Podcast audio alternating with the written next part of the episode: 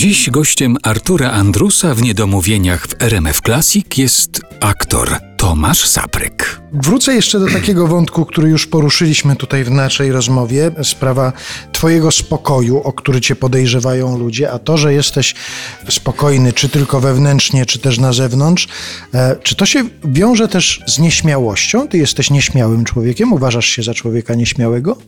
Tak, to jest jakaś paranoja, taka dwubiegunowość występująca.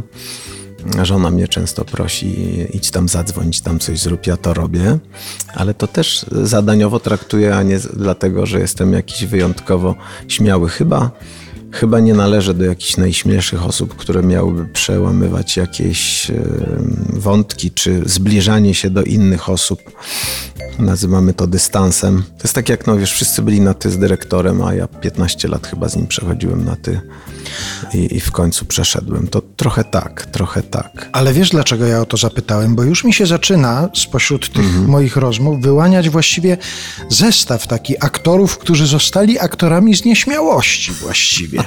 nie.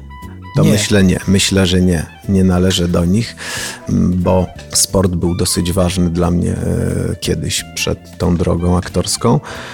Więc jakby rodzaj konkurowania, ścigania się to chyba tam nie ma miejsca na taką nieśmiałość, o jakiej ty myślisz. Ale już miałeś jakieś, zanim postanowiłeś, że idziesz do szkoły teatralnej, to miałeś już jakieś takie sceniczne próby, już gdzieś byłeś na tak, scenie tak, i wiedziałeś, tak, że chcesz tak. to ja robić? Ja byłem tym szkolnym recytatorem, wiesz, mhm. takim e, od tych akademii najróżniejszych. E, rzeczywiście jakiś tam konkurs Warszawska Syrenka był kiedyś, ja wygrałem ten, ten, ten, ten konkurs. On do dzisiaj jest, o dziwo. Proszę Warszawska Syrenka, tam recytują, wiesz, wszyscy z województwa i tak dalej. A co recytowałeś, pamiętasz? Wiesz co, tak, Gałczyńskiego ocalić od zapomnienia, pamiętam. I w Teatrze Buffo był jakby e, wieczór galowy. Ja jeszcze ten wieczór galowy poprowadziłem i tam była recytacja i tam, wiesz, pół szkoły przyszło i ja byłem no, w siódmym niebie, wyobrażasz sobie, no jakieś światła w ogóle, no ale tak sobie pomyślałem, że ludzie, którzy cię kojarzą na przykład z ról filmowych i to w dużej części komediowych na przykład. I pijących. I pijących. W jednym filmie to chyba nawet przez chwilę nietrzeźwiejącego, prawda? W paru filmach nie trzeźwiałem, wiesz. Strzeliłem się idealnie w target wakacyjno-knajpiany, także mam bardzo wielu kolegów w Polsce. Rysio, pieniądze to nie wszystko, czy, czy z rancza ten ze Sławkiem Orzechowskim, jak ja się tam nazywałem.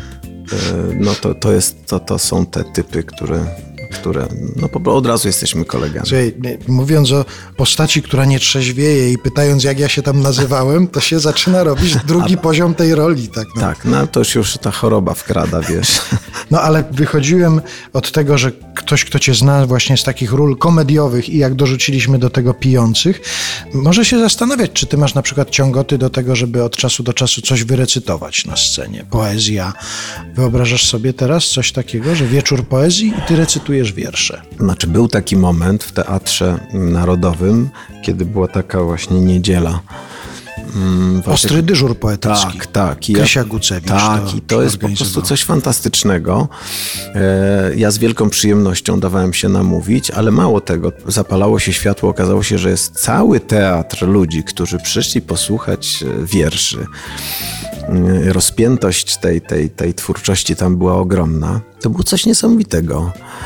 To jest ważna rzecz w moim życiu, która troszeczkę jest uśpiona, tak jak dzisiaj wszyscy ganiamy gdzieś a jakbyś, na przykład, jakbyś się nagle znalazł w jakiejś takiej bibliotece na spotkaniu literackim, pani bibliotekarka by powiedziała: Proszę, ma pan tutaj do dyspozycji całą bibliotekę poetów polskich i światowych, wiesz, po którego byś od razu sięgnął? Jest jakiś taki. No, Gałczyńskiego przed chwilą wymieniłeś, że go recytowałeś, ale może jest jakiś inny, po którego byś sięgnął? Wiesz, o, o dziwo mówimy o, w ogóle o poezji, o literaturze, to pewnie sięgnąłbym mimo wszystko po Szekspira, ale e, z, z racji tego genu e, już nie do zgubienia aktorskiego, że poezja, ale, ale grana, grana. Wtedy mhm. jakoś tak bardziej ją odczuwam i, i Szekspir jest mi bardzo, bardzo bliski. I też w wielu tłumaczeniach można się odnaleźć ciekawie. Jeszcze wróciłbym na zakończenie naszej rozmowy do takiego wątku rodzinnego trochę, jeśli pozwolisz. Jeśli to nie jest zbyt intymne pytanie, Ale chciałem zapytać, czy zdarzyło ci się już lecieć z synem? To znaczy on za sterami, a ty obok? No nie, nie zdarzyło mi się lecieć z synem, nam się lecieć, bo wszyscy marzymy o tym. E, a teraz czekamy, żeby znowu wzbił się w powietrze, bo jest trochę kryzys i, i troszkę jest uziemiony. Ale rozumiem, że masz do niego pełne zaufanie w tej Pełne. kwestii. Jakby tylko usłyszeć zapowiedź, że kapitan Sapryk wita państwa na pokładzie, czułbyś się pewnie. Wspaniale by było. I marzę się przelecieć e, z Maksymilianem.